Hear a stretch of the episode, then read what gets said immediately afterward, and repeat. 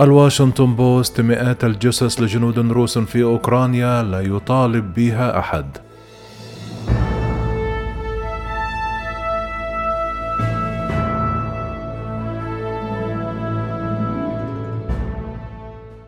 مئات الجثث لجنود روس لا تزال في المشارح الأوكرانية أو في الشوارع من دون أن يطالب بها أحد وسط تكتم موسكو على الأعداد الحقيقية لقتلاها من جراء الغزو.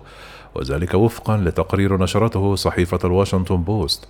قالت الصحيفة أن ما يجري في أوكرانيا يتناقض كليا مع الشعار الذي رفعته موسكو مع انطلاق الغزو بأن روسيا لا تترك قتلاها خلفها لكن على الأرض مختلف تماما. تصف الصحيفة مشاهداتها في بعض المدن الأوكرانية التي شهدت معارك بين القوات الأوكرانية والروسية ومنها مدينة إربين على مشارف العاصمة الأوكرانية كييف. في زاوية بأحد شوارع المدينة ظلت جثة جنديين روسيين مغطى بصفائح حديدية رقيقة وسيقانهما تتدليان ورقد ثالث على بعد أمتار قليلة بالقرب من ناقلة جند مدرعة محترقة. كانت الكلاب تأكل من جسده وكانت هناك جثة رابعة لجندي قتل نتيجة انفجار لغم. أما في موشون وهي قرية صغيرة شمالي غرب كييف فقد تركت جثة جندي روسي آخر داخل مطبخ وعليها آثار إصابات بالغة بالفخذ. وكذلك كانت هناك عشرة جثث أخرى قريبة من المكان وأخرى على أطراف الغابة.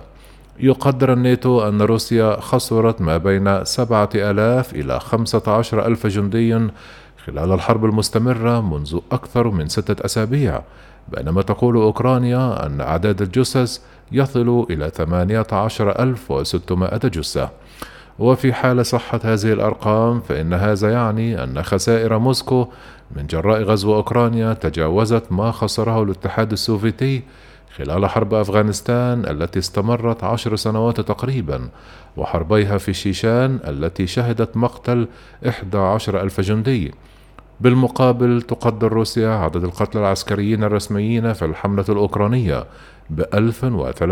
وواحد وخمسون ومع ذلك لا يتطرق التلفزيون الحكومي إلى هذه الأرقام كثيرا فيما يقوم القرملين بتضييق الخناق على أنباء الخسائر العسكرية. في عام 2015 وقع الرئيس الروسي فلاديمير بوتين مرسوما يقضي باعتبار جميع الخسائر البشرية العسكرية سرا من أسرار الدولة. فاديم كولوري وهو جندي روسي يبلغ من العمر 19 عاما يعمل في كتيبة الاستطلاع رقم 136 المتمركزة في نارو فومينيكس خارج موسكو توفي بعد تعرضه للهجوم ومحاصرته داخل المدرعة حسبما أخبر الجيش الروسي والدته تاتانيا الشهر الماضي لكنها قالت أنها لم تستلم جثته.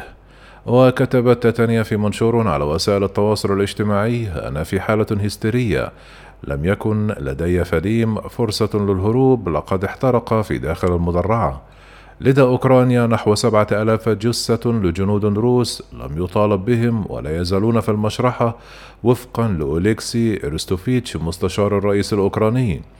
تنقل الصحيفة عن إيروستوفيتش القول أن أعداد قتلى الجيش الروسي الذي أعلنته كييف والبالغ 18600 قتيلا يستند إلى تقارير أوكرانية من ساحة المعركة ومن خلال اعتراض اتصالات عسكرية روسية.